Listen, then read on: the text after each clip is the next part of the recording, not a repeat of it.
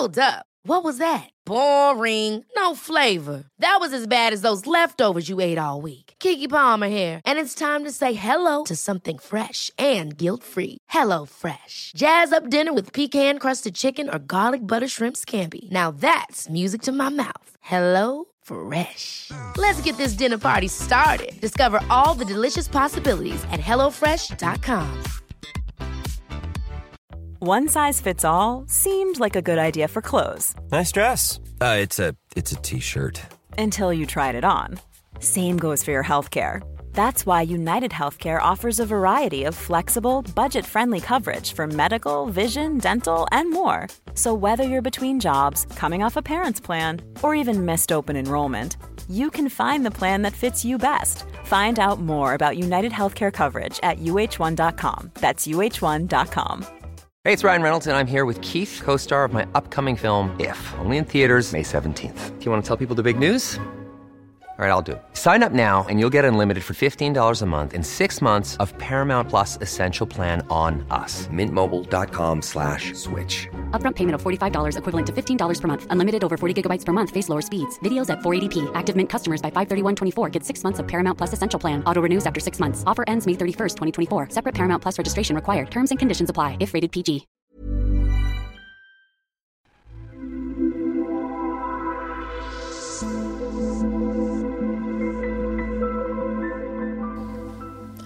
Isabel, velkommen til enda en episode av Becoming. Tenk at vi allerede har laga flere episoder av det som faktisk er vår egen Becoming. I denne serien og denne sesongen av, i vår podkast så går jo vi innom mange forskjellige tema, som er tema vi har fordypt oss i, blitt forelska i, blitt opptatt av i den reisen som vi har eh, gått gjennom og fortsatt er på i en sånn selvrealiseringsprosess. Er det riktig å si? Veldig. Ja. Vi jo Bli kjent-prosess. bli kjent-prosess, bli kjent med seg sjøl og menneskene rundt oss. Vi er jo lidenskapelig opptatt av det å skrelle løk. av det å gå i dybden, eh, både på oss sjøl og på andre. På det å maksimere våre egne eh, ferdigheter, om jeg kan si det sånn. Ja. Og det å bli den beste versjonen av oss sjøl. Mm. Vi tror fast bestemt på at du har skapt det livet du lever i, Mm. både på godt og på vondt, og at jeg har skapt det livet jeg lever i, både på godt og på vondt, og at vi sjøl er skapere i vår eget liv. Ja. For å kunne komme dit at man kan, skal skape, som er min favorittting på denne jord, så må man ofte over noen hindre. Vi har tidligere snakka om hindre som offermentalitet, som skyldfølelse. Har vi vært innom skyldfølelse? Nei, det har vi faktisk ikke. Men offermentalitet Kommer i dag, den. den kom i dag. Åh! Vi har snakka om um, Jeg snakket om offermentalitet, emosjonell avhengighet. emosjonell avhengighet. Ja. Jeg snakket om lidelse, Ja. og hvem det er på vei til å bli. Ja. Og i dagens episode Belinda, ja. så skal vi snakke om ærlighet og skam. Åh, to fantastiske, gode ting som jeg tenkte da jeg, møtte, da jeg kom i kontakt med deg, da jeg møtte deg, jeg har kjent deg i veldig mange år, da vi begynte denne her reisen sammen og begynte å snakke mye om dette her, om alle bøkene, alle guruene vi følger, og alt dette her, du tipsa meg om alt det du har gjort, så tenkte jeg angående skam at det var noe jeg ikke hadde i livet mitt. Ja. Eh, super, Du var den typen? jeg, var den, så jeg jobba med det, vet du. Så Ja. det var jeg ferdig med. Ja. Eh, og i tillegg så var jeg jo da selvfølgelig ærlig med meg sjøl. Ja. Om meg sjøl. Ja. Hva du snakker om. Ja. Jeg tror Da du stilte meg disse spørsmålene i vår, så tror jeg at jeg trodde på meg sjøl, på mine svar, i tre til fire sekunder. Før jeg skjønte at oi, dette må dykkes inn i. Ja. Og det har vært en fantastisk reise, og jeg gleder meg til vi skal dele den kunnskapen vi har samla, til våre lyttere.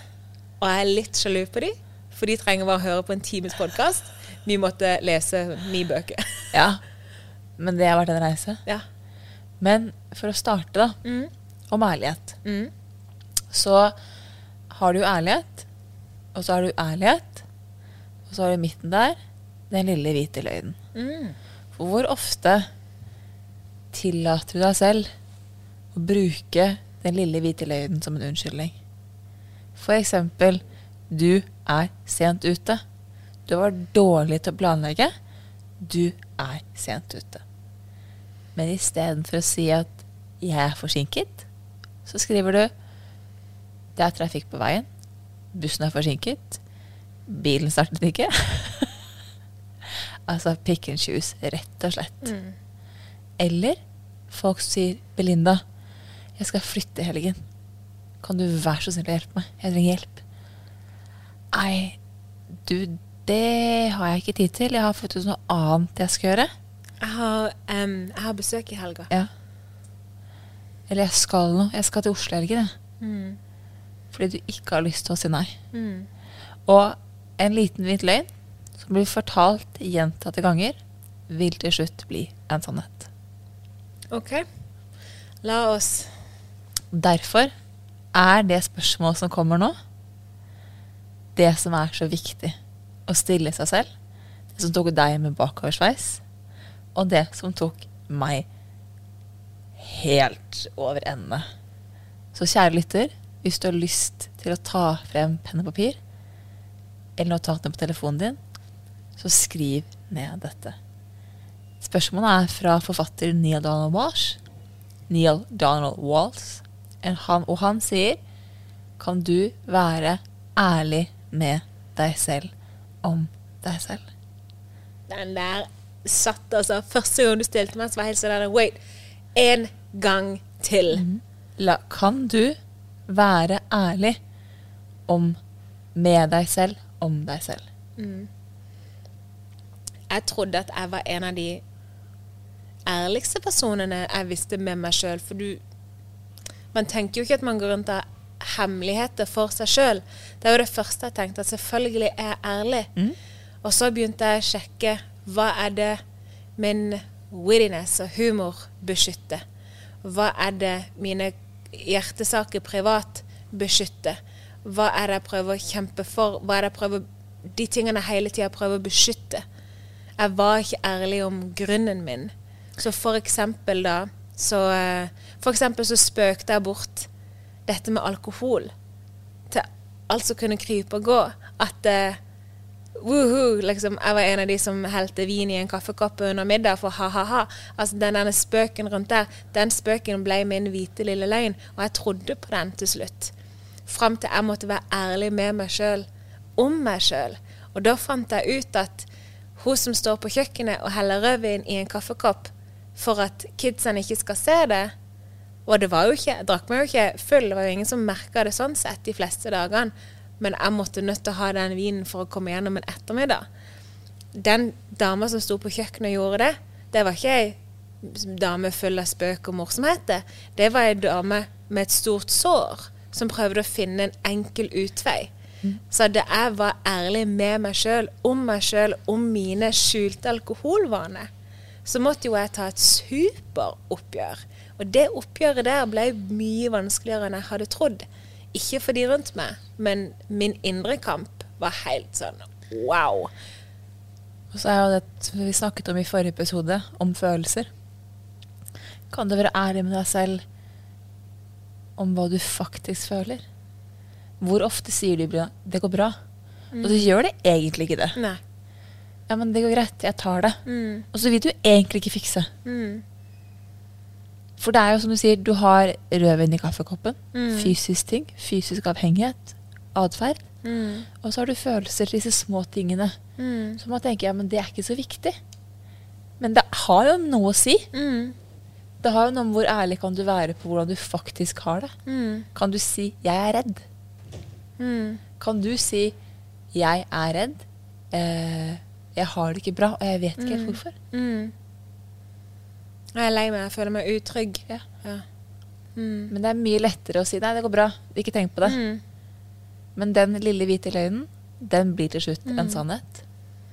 Og da blir du gående i samme mønster. Og det man ofte gjør, det er jo da å bruke eh, Hva heter det for noe? Du, veldig mange går til mat for å døyve følelser, eller du går til alkohol for å døyve følelser, du går til nikotin, du går til rusmidler, du går til dårlig TV, ja. Sex. Du liksom Hele trening. Du går til et eller annet som skal prøve å døyve den følelsen din. det, jo, det hadde vært veldig gøy hvis jeg hadde fått sex eller uh, trening. Kjenner jeg. Men jeg fikk jo da rødvin. Og faktisk ikke bare rødvin. Jeg fikk all form for alkohol som fantes. Ja. Jeg tror de som har sex, var fryktelig slitsomt. Sammen for de som hadde hatt uh, trening òg. Er det sant? Ja. Tenk hver gang du kjenner på dritt, så skal du gå og ligge. Det er ikke fordi du har lyst. Det er fordi du er bare sånn Nei, nå må jeg. For jeg vil ikke føle på den tristheten jeg kjenner på inni meg. Ja, altså, off, så lærer meg det bort. Og så er det sikkert mange av de som lytter, som faktisk har den. Ja. Så I feel you, bro. I feel you, sis. Og det som er så interessant, som med skam Forsker på skam og sårbarhet Bené Brown har lært meg, er at du kan ikke selektivt numme følelser. Hva mener du? Jeg mener, hvis du prøver å numme én følelse, så nummer du alle følelser. Hvis du prøver å unngå å føle tristhet, skam, sårbarhet, skyldfølelse, sjalusi, så automatisk nummer du også glede, positivitet, kreativitet. Du kan ikke selektivt numme. Ok, dette er news to me. Um, jeg blir litt dratt tilbake til da jeg booka en personlig trener for sånn 10-15 år siden. Og sa jeg er ganske fornøyd med kroppen min, uh, så jeg trenger ikke jobbe på alt, men jeg vil gjerne jobbe på Jeg vil ha en sixpack. Så hvis vi kan ta kun abs, så hadde jeg blitt super eh, takknemlig for det. For da trenger jeg sikkert ikke trene like mye. Og min PT fortalte meg veldig fint at du kan ikke trene kun én muskelgruppe. Du må faktisk trene hele kroppen. Og da jeg kun ville ha flat mage, så skjønte jo ikke jeg hvorfor jeg måtte trene bein. Eh, og det sliter jeg fortsatt litt med. Og det du sier til meg nå, er at min ut Den følelsen jeg ikke forsto, som var en følelse av tristhet For det jeg brukte alkohol til, det var jo bare å skru av tristhet og skru på eh, jovialitet, egentlig. Jeg merka at dersom jeg hadde ett eller to glass med rødvin, så ble jeg en mye mer avslappa og jovial person. Fram til alle hadde gått og lagt seg, og da gikk det jo over stokk og stein. Ja. Da satt jeg jo aleine og var langt ifra en jovial person. Det blir en maske. Ja. Vi mennesker vi putter på oss masker. Er du usikker, putt på en maske. Spørsmålet som Neil Donald Walls stiller, men kan du være ærlig med deg selv om deg selv? Du må ta av masken. Hvem er inni deg? Hvis du skal være helt ærlig, så må du inkludere alle de gode og de dårlige sidene. De tingene du har prøvd å gjemme bort. De tingene du ikke vil innrømme. De, de tingene du syns er vanskelig, de følelsene du syns er vanskelig å akseptere, de må frem. Og for den som tenker nå Hvis jeg tar det spørsmålet, med å være ærlig på alt på en gang. Slapp helt av, det her kommer stykkevis og delt. Det, sånn sett er kroppen litt smart, for den lar deg ta- ting i litt sånn i eget tempo. Sånn at det ikke blir for overveldende. Uh, og det er en treningssak. Men ønsker du å bli noe mer, så er det viktig å tørre å være ærlig med deg selv om deg selv. Og vi snakket jo om i forrige episode om Colin Tapin, som sier at det er 5% fakta og 95% historien du forteller deg selv. Skal du klare å separere det som skjer i de 95 med historien du forteller deg selv, da må du tørre å være fullt helt ærlig.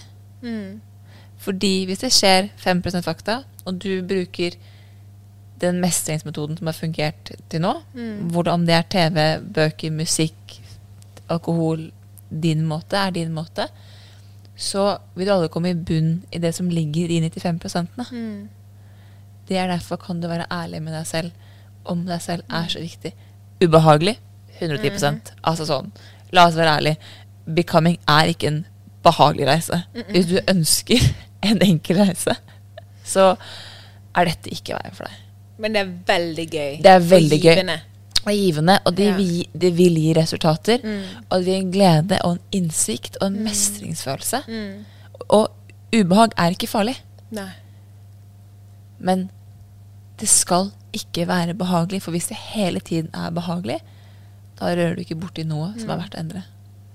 Da jeg gikk etter du hadde vært hos meg en helg, om jeg hadde snakka om dette her, så tenkte jeg OK, jeg må være ærlig med meg sjøl om meg sjøl, om hvorfor jeg har den rødvinen, eller whatever. Jeg, jeg kaller det rødvin nå bare fordi det høres mer sosialt akseptert enn å si whatever alkohol som fantes. Whisky, tequila, bacardi. Vi hadde en periode der vi starta selskapet, og veldig mange eh, gav oss eh, Veldig mange av våre kunder gav oss en flaske med et eller annet som en sånn takknemlighetsgave. sant? På den tida så drakk vi lite alkohol, så alt ble bare plassert bak i skapet, og så hadde vi liksom vertinnegave eller whatever. For å si det sånn, alt er borte. Janko min var helt sånn Hæ? Hvor, hæ? Hvor er alt? Bare jeg har drukket alt, lille venn. Everything. All the bottles.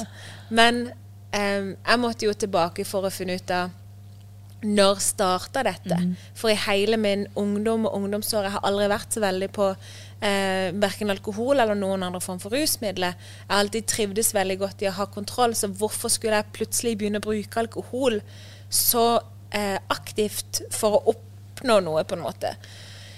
Så jeg gikk tilbake. Jeg tror jeg måtte nesten tre år tilbake i tid for å finne ut av den første gangen jeg oppdaga at denne, dette glasset vil endre en kjip opplevelse til en positiv opplevelse. Mm.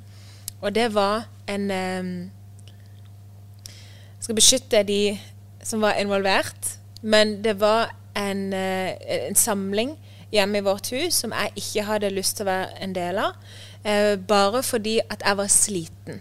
Det var en hyggelig family gathering. Alle hadde det fint, det var god stemning. Det var ingenting der som tilsa at jeg ikke skulle orke det. Bortsett fra at jeg hadde pusha meg sjøl i så lang tid at jeg Og jeg, jo, jeg vet at ikke du er glad i det ordet høysensitiv, men når du eh, Hvis man er høysensitiv, det man ofte kan merke du Jeg er glad i ordet sensitiv, sensitiv ja. men jeg liker ikke når det blir adjektiv foran. Ja.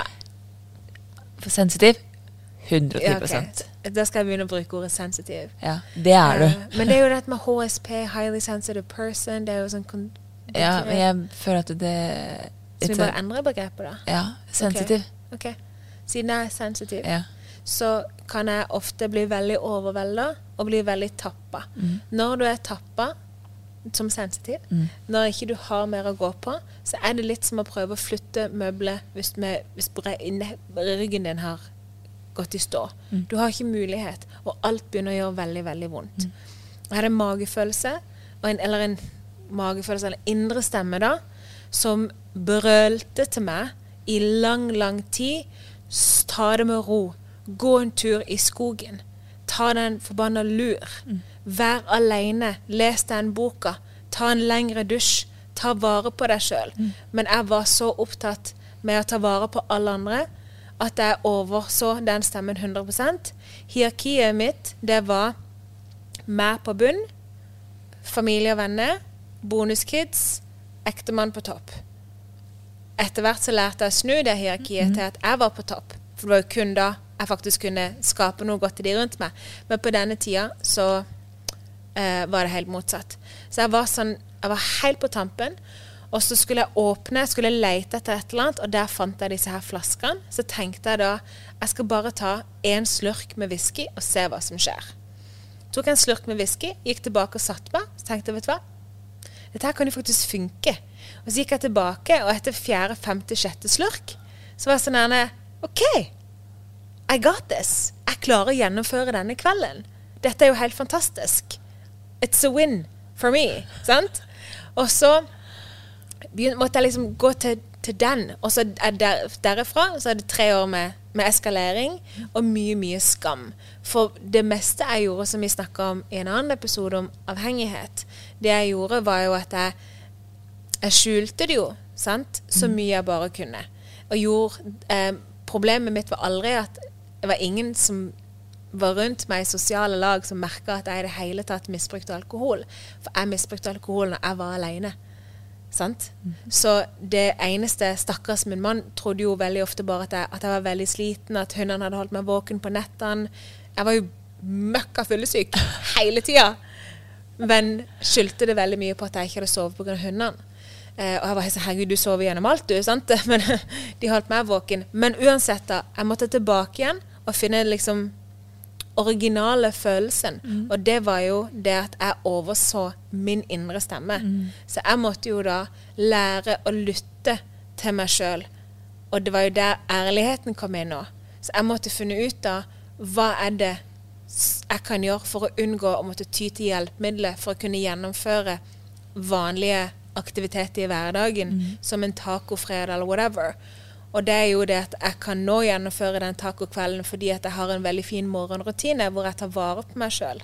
Og litt som vi snakka om på privaten her for noen dager siden, og jeg spurte deg hva skal jeg gjøre dersom andre kommer inn og tar den tida som jeg har satt av til meg sjøl. Fordi at andre er jo faktisk viktige. Så minner du meg veldig fint på at du må huske på, Belinda, at du er den viktigste personen i livet ditt. Du må sette deg sjøl på toppen av hierarkiet. Hvis ikke du tar den tida til deg sjøl, så vil ting sakte, men sikkert begynne å rase. Og den første kvelden jeg fant ut at whisky hjalp meg i mine sosiale lag, så hadde vi alle sammen en fin kveld. Det var ikke et problem. Men det var jo et mikrosteg i en veldig feil retning, som varte i tre år. Og som fortsatt er der. Fordi at jeg har fortsatt ikke Jeg, ikke, jeg er ikke i stand nå, dessverre, til å kunne ta ett eller to glass rødvin. Da, før jeg vet ordet av det, så våkner jeg opp morgenen etterpå og vet ikke hva som har skjedd.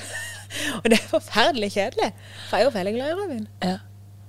Nei, og det er jo som du sier, det er jo når man er i ærligheten. Skal du gjøre en endring, så må du tørre å akseptere situasjonen som den er. Og så være ærlig om hvordan endte jeg her. Og i den ærligheten så dukker det opp en av de mest grusomme følelsene. Og jeg bruker ordet grusomme følelsene fordi dette gjør fysisk vondt for kroppen. Og det er skam. Uh, ja.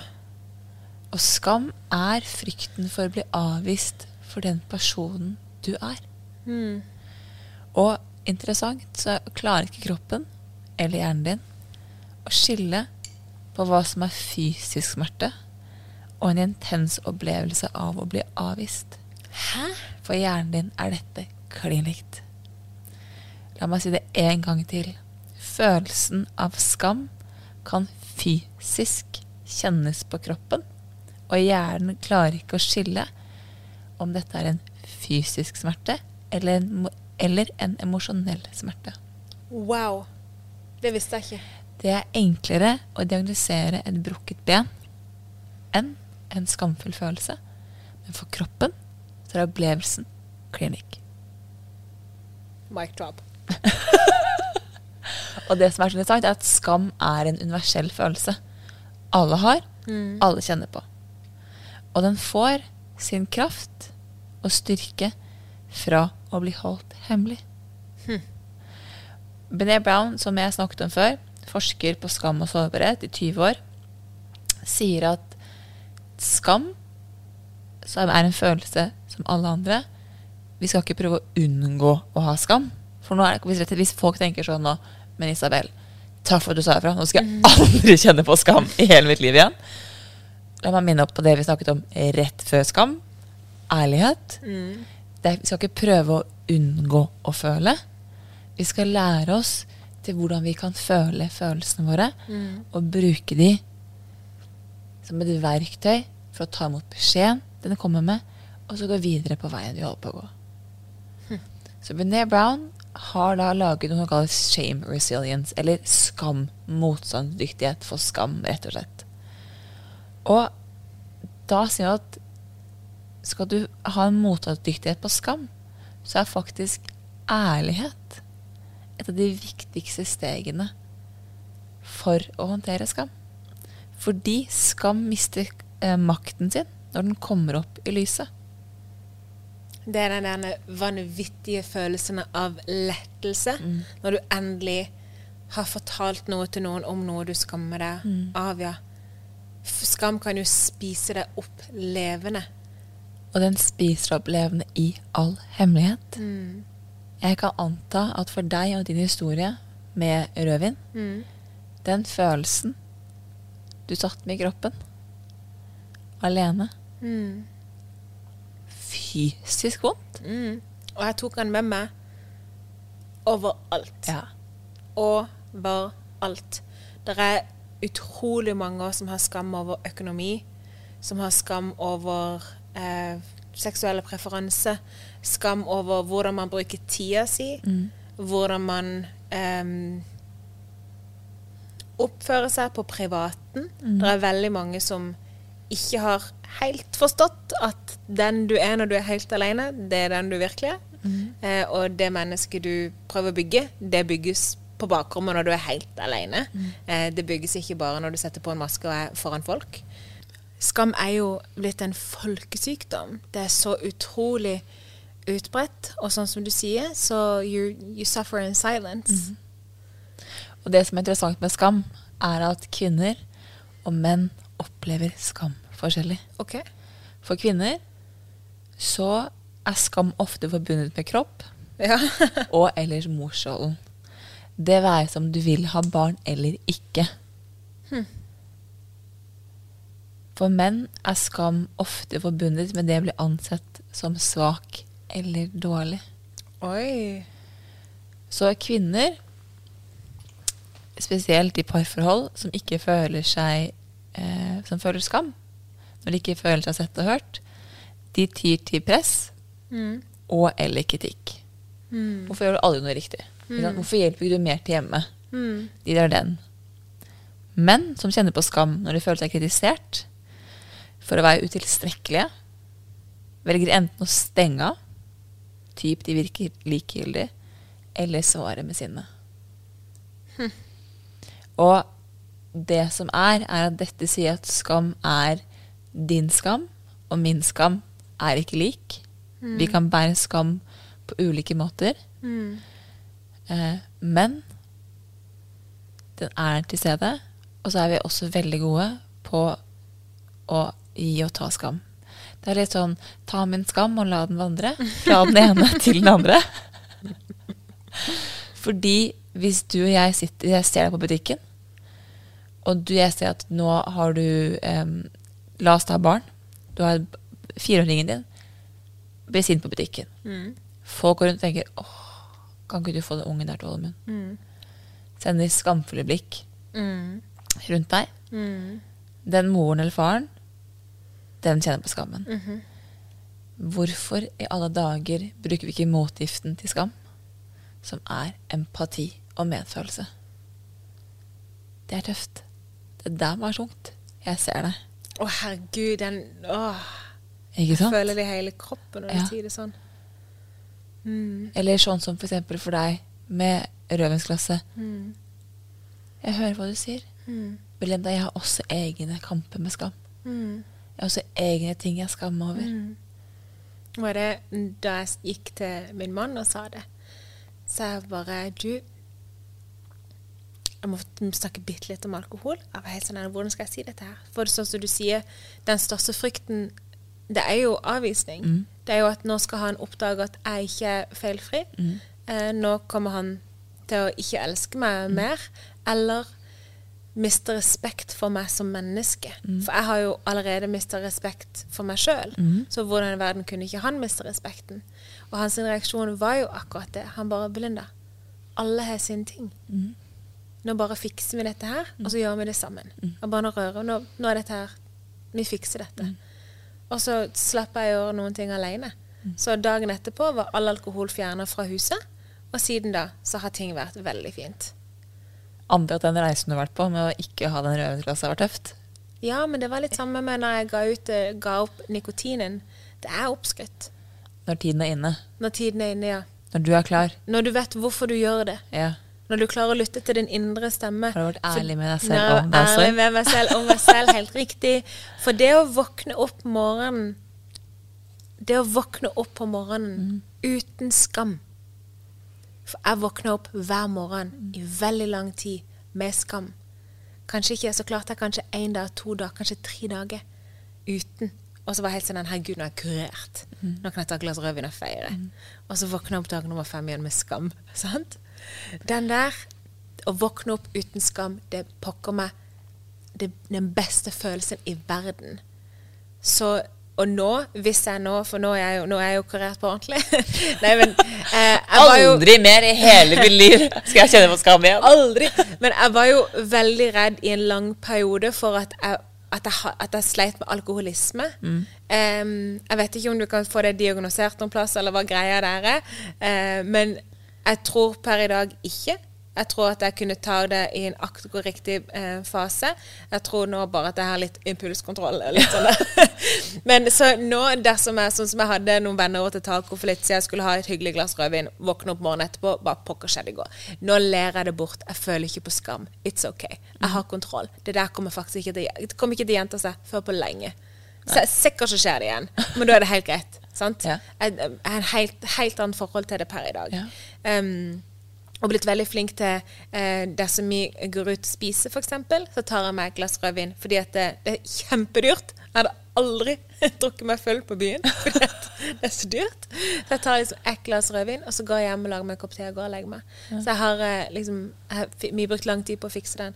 Men um, nå har jeg mista hele poenget mitt. Jo, det å ikke våkne opp uten skam, det gjorde det så mye lettere. Men det var jo fordi at jeg var, som du sier, jeg var ærlig med meg sjøl om meg sjøl. Jeg lytta til den indre stemmen min, og jeg begynte å jobbe ut ifra Hva kan du kalle det? Sjela di. Den, den personen du egentlig skal være. Du ønsket å, jobbe for den personen du var på vei til å bli. Ja. Uh, yes. You're becoming my love. Takk. Jeg ville hedre For når jeg kikker frem, fem, fre- eh, tre år frem i tre, frem, tre år frem, frem i tid Hvordan gikk det? Eh, det gikk bra. Tre år frem i tid. Eh, hun dama der, hun våkna jo ikke opp hver morgen med skam. Så for hun så måtte jo jeg ta grep. Og det føltes så sinnssykt godt. Og jeg har um, en venninne som har vært veldig åpen om sine økonomiske problemer. Eh, vært blitt en sånn frontfigur for dette. Eh, og hun òg i veldig mange år hadde jo en sånn en insane mengde med skam rundt egne økonomiske problemer. Så var jo hun dessverre en av de som våkna opp til at alle hos sine, hele hos sin største skam ble fronta på forsida av Dagens Næringsliv. Eh, kjempekult å være en offentlig person. Så hun måtte jo begynne å ta tak i sin skam.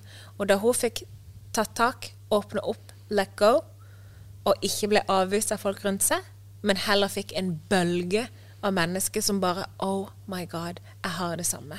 Så klarte Empati hun empati og medfølelse. medfølelse. Hun ble jo et nytt menneske. Og hun var helt så nærme Er det sånn det skal føles å ikke ha skam? Altså, Kjent ukjent? kjent ukjent, ja.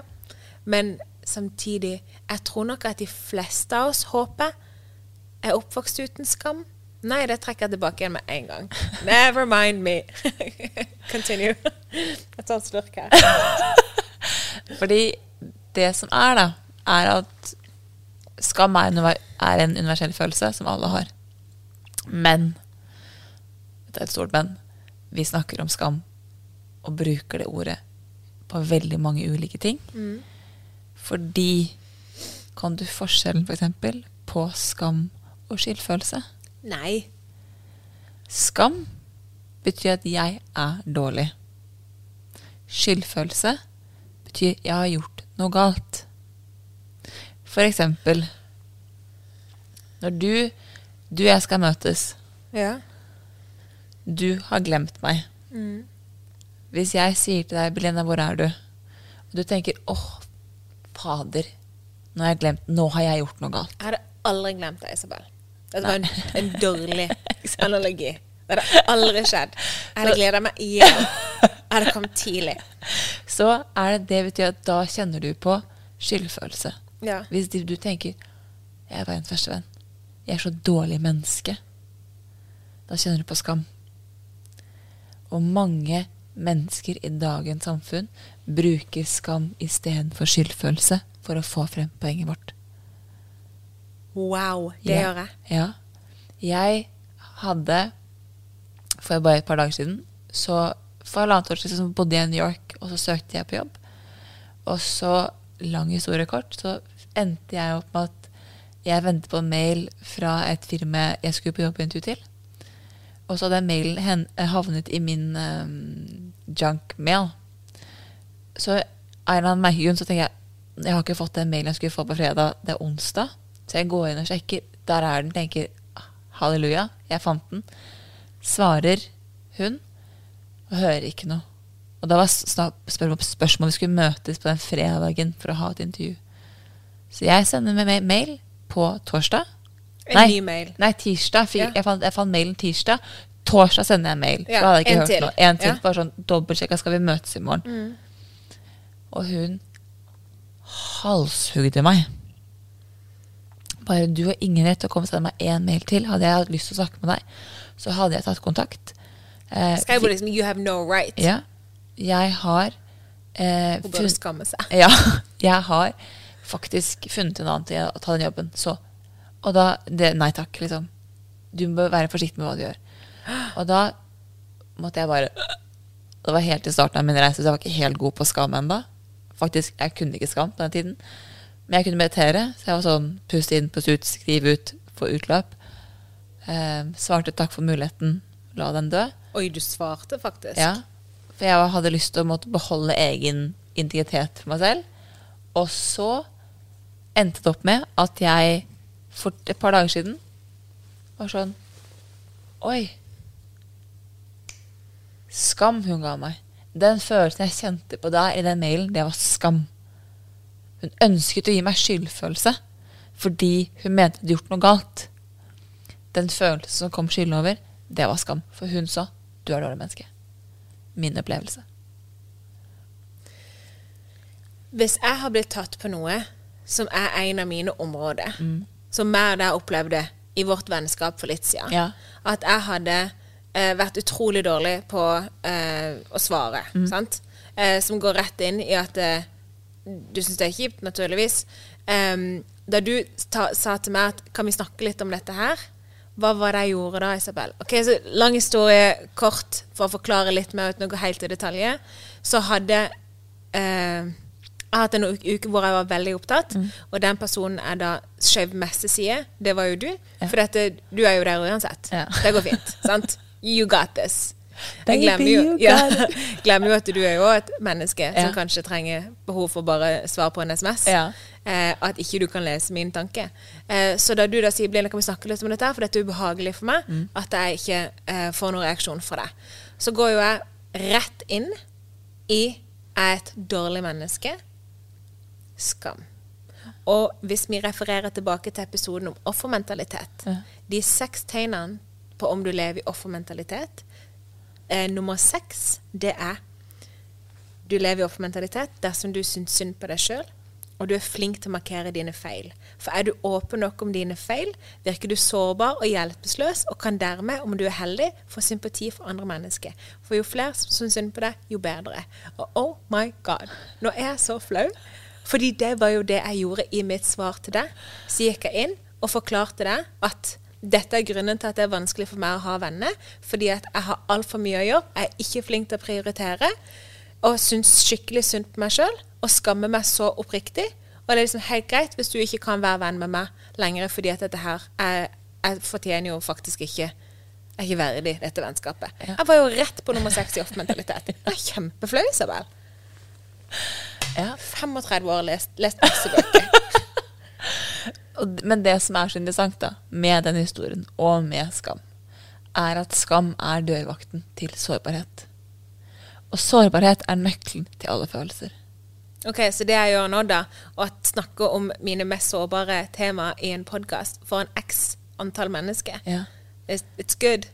Det er Ja, jeg jeg vil helst at Nei, for det er, det er noe som heter oversharing. Ja. Og oversharing er ikke sårbarhet. Okay. Bare sånn FYI. Ja, du kan- får bare si ifra. Ja. Nei, eh, men det du og jeg gjorde, var at vi hadde en samtale om det. Mm. Vi Skammen kom hos meg først, så måtte jeg all, hele tiden i min kjære hule, som jeg foretrekker å være i, Mm. ut av hulen og tenke det her tåler Belinda og jeg, det her klarer vi. Og var ærlig med deg. Og du først gjennom skammen, og så gikk det et par timer, og sa du Isabel, har jeg tenkt. Mm. For da hadde du jobbet gjennom skammen din, og du var klar til å jobbe med sårbarheten i bunnen. Mm. Fordi at det er så viktig å huske på at Ønsker du et bedre liv med mer intimitet, kjærlighet, innovasjon og mot, så er første veien på hin altså, er hinderet på veien er skam. Så hvis du ønsker å bli det mennesket du skal bli om tre år, så er det ikke spørsmål om om du kommer til å møte på skam. Det er når. Og så er det hvordan du håndterer Og det er hvordan du håndterer skammen. Og det er ikke et spørsmål om eh, om det er én gang. det er flere. For skam er ikke en følelse som bare sånn opp, jeg bare tok den opp, trikser litt, og det er ferdig. Det er noe som på en måte lever med deg. Men du kan bli bedre og bedre og bedre til å håndtere det. Og det som er med skam, og grunnen til at For det er sikkert mange som tenker at ja, men jeg gidder ikke gå inn i tøyene min skam, det er ikke så forbanna viktig. Men skam er, er en veldig tung følelse. Destruktiv. Som, destruktiv. Som går med deg og fratar glede, fokus og energi i nesten alle situasjoner du er i. I det bryllupet hvor alle sammen danser og er lykkelige, men du sitter på en stol i et hjørne for du er så mye skam at skammen forteller deg at du er et dårlig menneske, og du fortjener ikke den lykken. Du går glipp av en heidundrende fest. På den familiemiddagen hvor alle sammen ler og spøker og snakker om uka, men du sitter der og du er fullt opptatt av din egen skam, så du kan ikke delta i den der. I alle de i den dåpen hvor folk er så glad for barnet, i eh, under sexen hvor du ikke klarer å klimakse fordi at skammen din sitter i hodet ditt og bare du, du, du, du, Kan jeg si det nå? Kan jeg si det nå? Kan jeg si det nå? Du fortjener ikke dette. Du fortjener egentlig ikke denne personen. Du fortjener ingenting. Altså Skammen er der med deg i absolutt alt det du gjør. Så det er så sinnssykt viktig å eliminere den. Jeg visste ikke hvor befriende mitt liv kunne være uten den. Jeg har jo selvfølgelig fortsatt skammet meg over sånne småting som jeg tar tak i. Eh, men den, derne, den alkoholskammen min, den den var blitt en så stor del av meg, sånn en sterk, mørk skygge eller en tung kappe som jeg tok med meg hver eneste dag overalt. Han tok så mye plass i livet mitt at jeg merka det ikke før han var over. Hadde jeg sagt til deg, Belinda, ønsker du det mer kjærlig, mer intimt, modig, mer kreativitet invasjon i livet ditt? Hvis det er den personen du ønsker å bli, jeg kan garantere at du blir henne. Og så et ja eller nei. Jeg sa at Nå høres du ut som en vanvittig hippie. Hva er det du prøver å med meg? Superskeptisk. Ja. Er det marihuana? Nei, det er ikke marihuana. Det er faktisk det å jobbe med skammen sin. Men det å jobbe med skam er til tider frustrerende. Det er til tider slitsomt, Ja, for du må jo stå naken. og det er ubehagelig. Fordi sårbarhet defineres som risiko, følelsesmessig eksponering og ukjent. Altså det ukjente. Jeg hater sårbarhet. Det og jeg hater jeg et sterkt ord, eh, og er noe jeg jobber meg opp riktig gjennom. Jeg hater følelsen av å være sårbar. Jeg jobber med det fordi jeg vet at prisen av å være sårbar, det er det livet jeg ønsker å leve. Om tre år så ønsker jeg å møte Isabel som tør å være sårbar. Jeg trenger ikke å være sårbar 24-7. Ikke i det hele tatt. Og det er ikke alle som fortjener sårbarheten min. Det er ikke alle som fortjener skammen min heller. Det er ikke alle du skal fortelle skamhistorien til. Fordi hvis skam blir møtt med kritikk, så vokser skammen. Jeg skulle akkurat til å Ja, jeg skulle faktisk akkurat jeg skulle til å si den, for jeg tenkte på min egen sårbarhet. For jeg, jeg har ikke de samme problemene med sårbarhet som du har. Nei. Men det er nok fordi at jeg har valgt, vært veldig, veldig selektiv til hvem som får høre min historie først. Eh, jeg må være veldig sikker på at de kan håndtere det.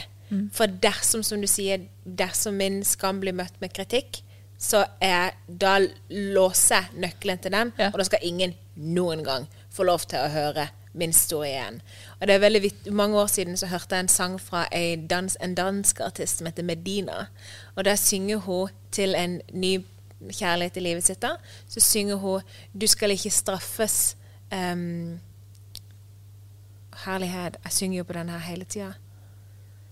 Du skal ikke straffes fra tidligere erfaringer. Så si det til dette nye mennesket at du skal ikke bli straffa over ting jeg har opplevd tidligere fra andre. Egentlig det hun vil fram til. da, sant? Så det har jeg prøvd å minne meg sjøl på veldig mye. Men der har, der, der har det vært vanskelig for meg. Hvis noen har såret meg på et vis, så skal ingen andre noen gang få sjansen til å såre meg på det viset. Så til og med med min mann så tok det veldig lang tid før jeg så at OK, du kan faktisk håndtere disse tingene. Og etter han har håndtert det og møtt det med medlidenhet og medfølelse og kjærlighet og empati. Ikke medlidenhet. Nei, den var dårlig. Den Nei, var dårlig, medfølelse, empati er det ordene du Ja, leter det var Ja, akkurat det jeg lette etter. Medlidenhet. Stakkar deg, da. Det var kjempekjipt. Alkoholproblemer, ass. Fy faen, Blenda. Ja. Så, men da var det greit nok, og så måtte jeg bruke tid der før jeg kunne gå videre. Ja. Jeg måtte jo innkalle et sånn intervention til, med familiemedlemmer og alt mulig. Og bare 'Halla, har noe å si'.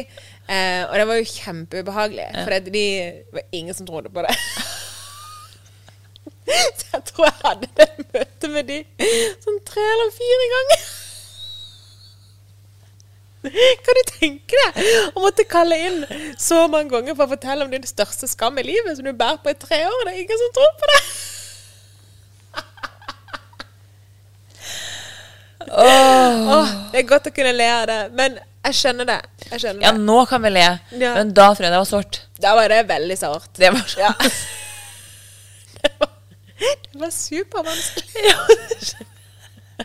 Men det er jo helt greit, for Glennon Doyle har fortalt til meg at livet faktisk skal være litt vanskelig. Ja. Ja, og at det, men det er nedturen man, man begynner å sette pris på alle oppturene, og det Ja. er eh, motgang som bygger karakter. Ja. Jeg mener, Har du noen gang møtt et sånn superinspirerende menneske som bare sier 'Nei, jeg har aldri hatt noen problemer'?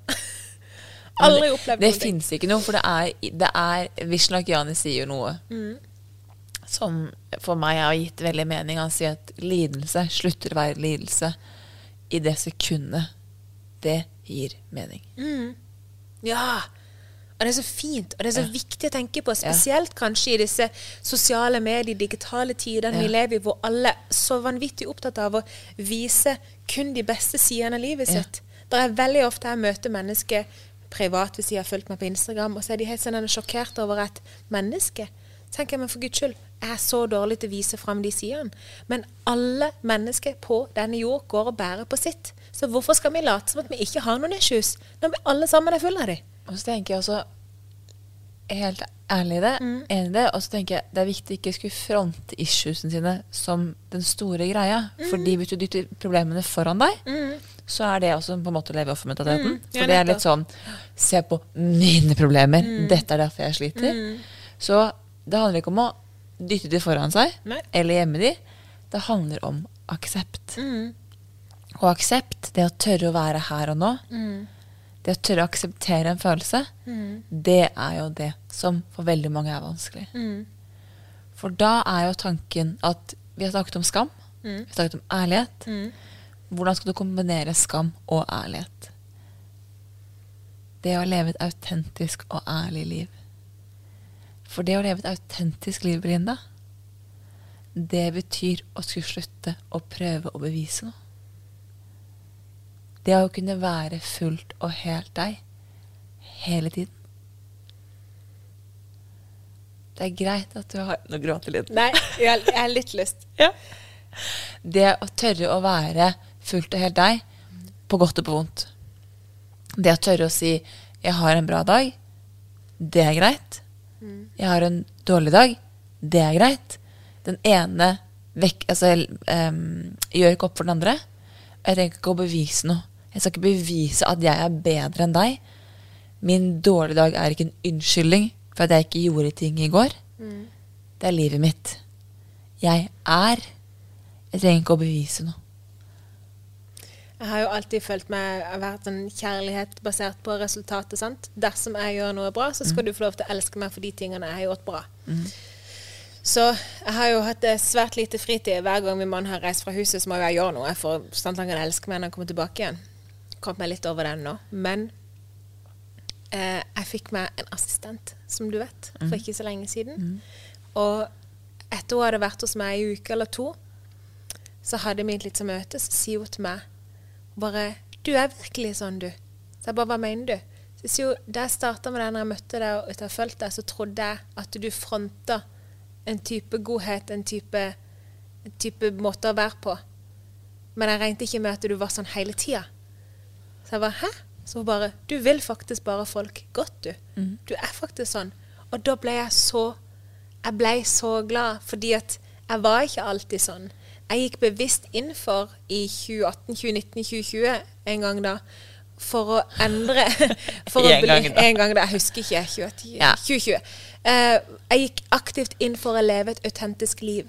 Fordi at jeg holdt på å bygge meg opp på Instagram. Jeg så alle de som hadde en front og en annen bakside. Jeg ønska å skape min front på baksiden. Jeg ønska at dersom noen kom inn, så skulle de ikke møte noe forskjell. Jeg ønska å kunne legge meg på kvelden med en klar samvittighet. Og hvis du går super high spiritual nå alle sjakraene, energifeltene, jeg ville at de skulle være aligned. jeg ville ikke gå og bære på skammen av at jeg har levd. Skammen av ditten, skammen datten. Den hvite lille løgnen. Ja. Så jeg begynte å jobbe så med alle mulige ting. Bare dette med Å, har du lyst til å være med på en fest på fredag? Ja, nei, å, jeg kan faktisk ikke fordi Jeg kan ikke fordi jeg har ikke lyst. Sorry. Det er ikke meningen å være frekk. Jeg har bare ikke lyst. Jeg har skikkelig behov for å være hjemme. Er det greit? Sant? Alle sånne lille små ting måtte jeg jobbe med. Og det er mye mer krevende enn det man skulle tro. Ja. Det, det, det tar noe. Og så begynner jeg å merke forskjell på meg sjøl. Jeg begynner å se min egen authenticity. Ja. Jeg begynner å se det Meg og min mann vi sier ofte til folk at det er viktig for oss å leve transparente liv. Ja. Det er viktig for oss at what you see is what you get. Det er ikke noe som skjuler seg bak her. Og det, det, det, er sånn deilig måte å leve på, for man føler seg så lett. Man er ikke hele tida redd for å bli tatt for noe. Man er ikke, ja, det, er- et mye lettere liv.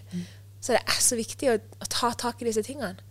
Mitt motto er at jeg kan ikke liksom altså, You need to practice what you preach. Jeg må være det jeg lærer bort. da. Jeg kan ikke sitte her og si Folkens, vi må ta tak i skammen deres, dere må jobbe med følelsene deres, aksept, ikke sant, skrell løken.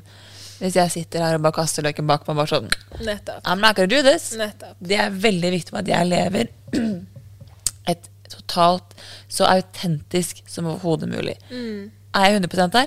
Absolutt ikke. Mm. Nei. Altså, hallo, ikke sant? Jeg har en jobb å gå. Eh, men jeg er på vei. Mm, det er Og akkurat det. det er godt nok. Ja, det er akkurat det.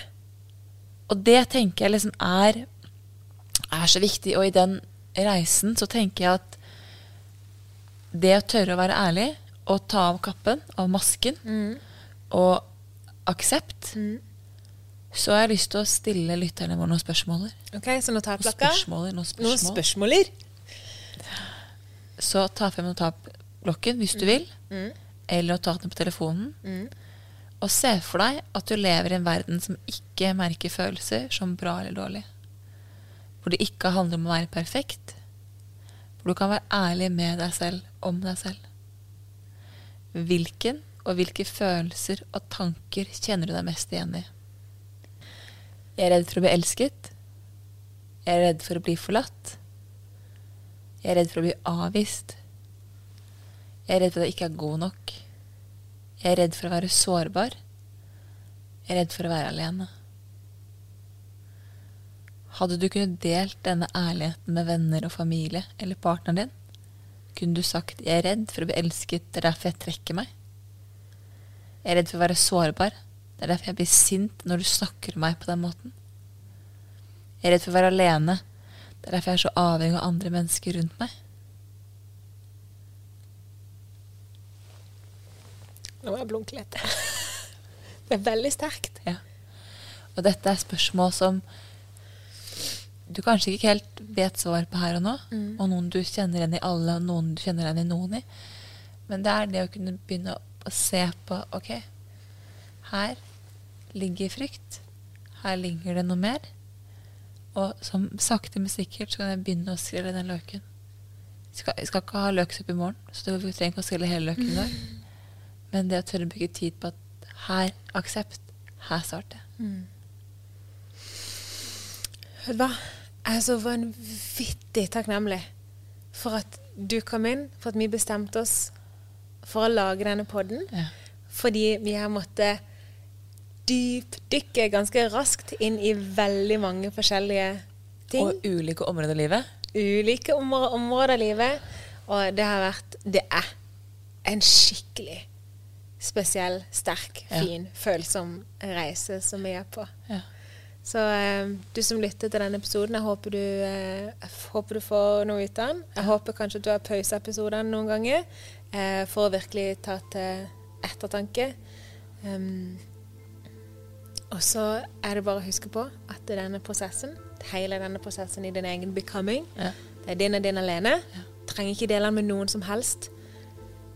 Det er bare ditt. Du gjør det for deg. Hvis de rundt deg ikke syns sånn her er kult, det er helt greit. Da jeg starta med dette, var det ingen rundt meg som, som syntes det var veldig kult. For det handler ikke om hvem de er på vei til å bli. Nei. Det handler om hvem du er på vei til å bli. Nettopp. Så eh, takk for at du lytter. Takk for at du tør å ta deg sjøl på alvor.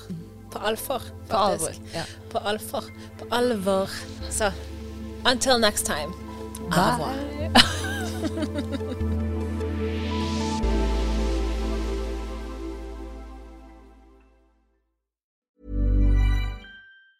Ever catch yourself eating the same flavorless dinner three days in a row? Dreaming of something better? Well, HelloFresh is your guilt free dream come true, baby. It's me, Gigi Palmer. Let's wake up those taste buds with hot, juicy pecan crusted chicken or garlic butter shrimp scampi. Mm. Hello Fresh. Stop dreaming of all the delicious possibilities and dig in at HelloFresh.com. Let's get this dinner party started.